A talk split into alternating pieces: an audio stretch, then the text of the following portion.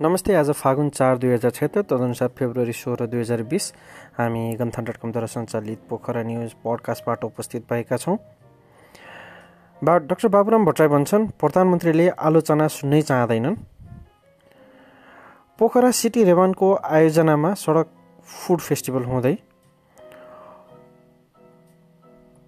र पोखरा म्याराथनको उपाधि जापानी धावक यसुक्यलाई समाजवादी विद्यार्थी युनियन पिएन क्याम्पसले गरेको समाजवादी बिहानी कार्यक्रममा समाजवादी पार्टीका अध्यक्ष डाक्टर बाबुराम भट्टराईले प्रधानमन्त्रीले आलोचना सुन्नै नचाहने आरोप लगाएका छन्।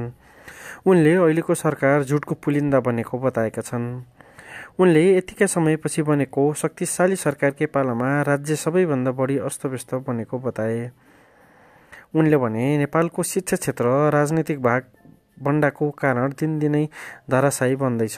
सरकारी कलेजमा पढाउने लेक्चरहरूलाई प्राइभेट कलेजतिर पिरियड भेटै भेटाउन भ्याइ नभएछ म प्राध्यापक साथीहरूलाई यहीँबाट अनुरोध गर्न चाहन्छु कि निजी कलेजहरू छाड्नुहोस् कि सरकारी कलेज छाड्नुहोस्। तपाईँहरूले दुईमध्ये एक रोज्नै पर्छ। नत्र भने हाम्रो विश्वविद्यालयको स्तर झन् खस्कन्छ। म युवा विद्यार्थी साथीहरूलाई पनि यहीँबाट अपिल गर्न चाहन्छु सरकारी सेवा सुविधा खाएर निजी कलेजतिर धाउने लेक्चरलाई बहिष्कार गर्नुहोस्। उनले सरकार भ्रष्टाचारको आहालमा डुबेको आरोप लगाएका छन्। सरकारले गरेको जनविरोधी रवैयाको विरोध नगर्ने हो भने देश धेरै पछि पर्ने उनले विद्यार्थीहरूलाई सरकारको ग्रह जिम्मेवार हरकतको विरोध गर्न आह्वान गरे। गण्डकी प्रदेश सरकारको दुई वर्ष कार्यकाल सफलतापूर्वक भएको बताइएको छ। यस अवधिमा प्रदेशको नामाकरण राजधानी पोखरालाई तोकिनु र विभिन्न तिस बुधे उपलब्धिको रूपमा लिएको छ। सरकारले दुई वर्षको अवधिमा बत्तीसवटा कानुन पास गराएको छ। त्यसै गरी कानुनलाई कार्यान्वयन गर्ने छवटा नियमावली र दुईवटा गठन आदेश मन्त्री परिषदबाट स्वीकृत भई लागू भएका लागू भएको छ। मन्त्रालयमा शुक्रबार पत्रकार सम्मेलन गरेर सरकारका दुई वर्ष उपलब्धिका बारेमा जानकारी गराइएको सो अवसरमा गण्डकी प्रदेश सरकारका आर्थिक मामिला तथा योजना मन्त्री किरण गुरुङले सरकारको दुई वर्ष कार्यकालका उपलब्धि फागुन चार गते विशेष कार्यक्रमको आयोजना गरी सार्वजनिक गर्ने बताए।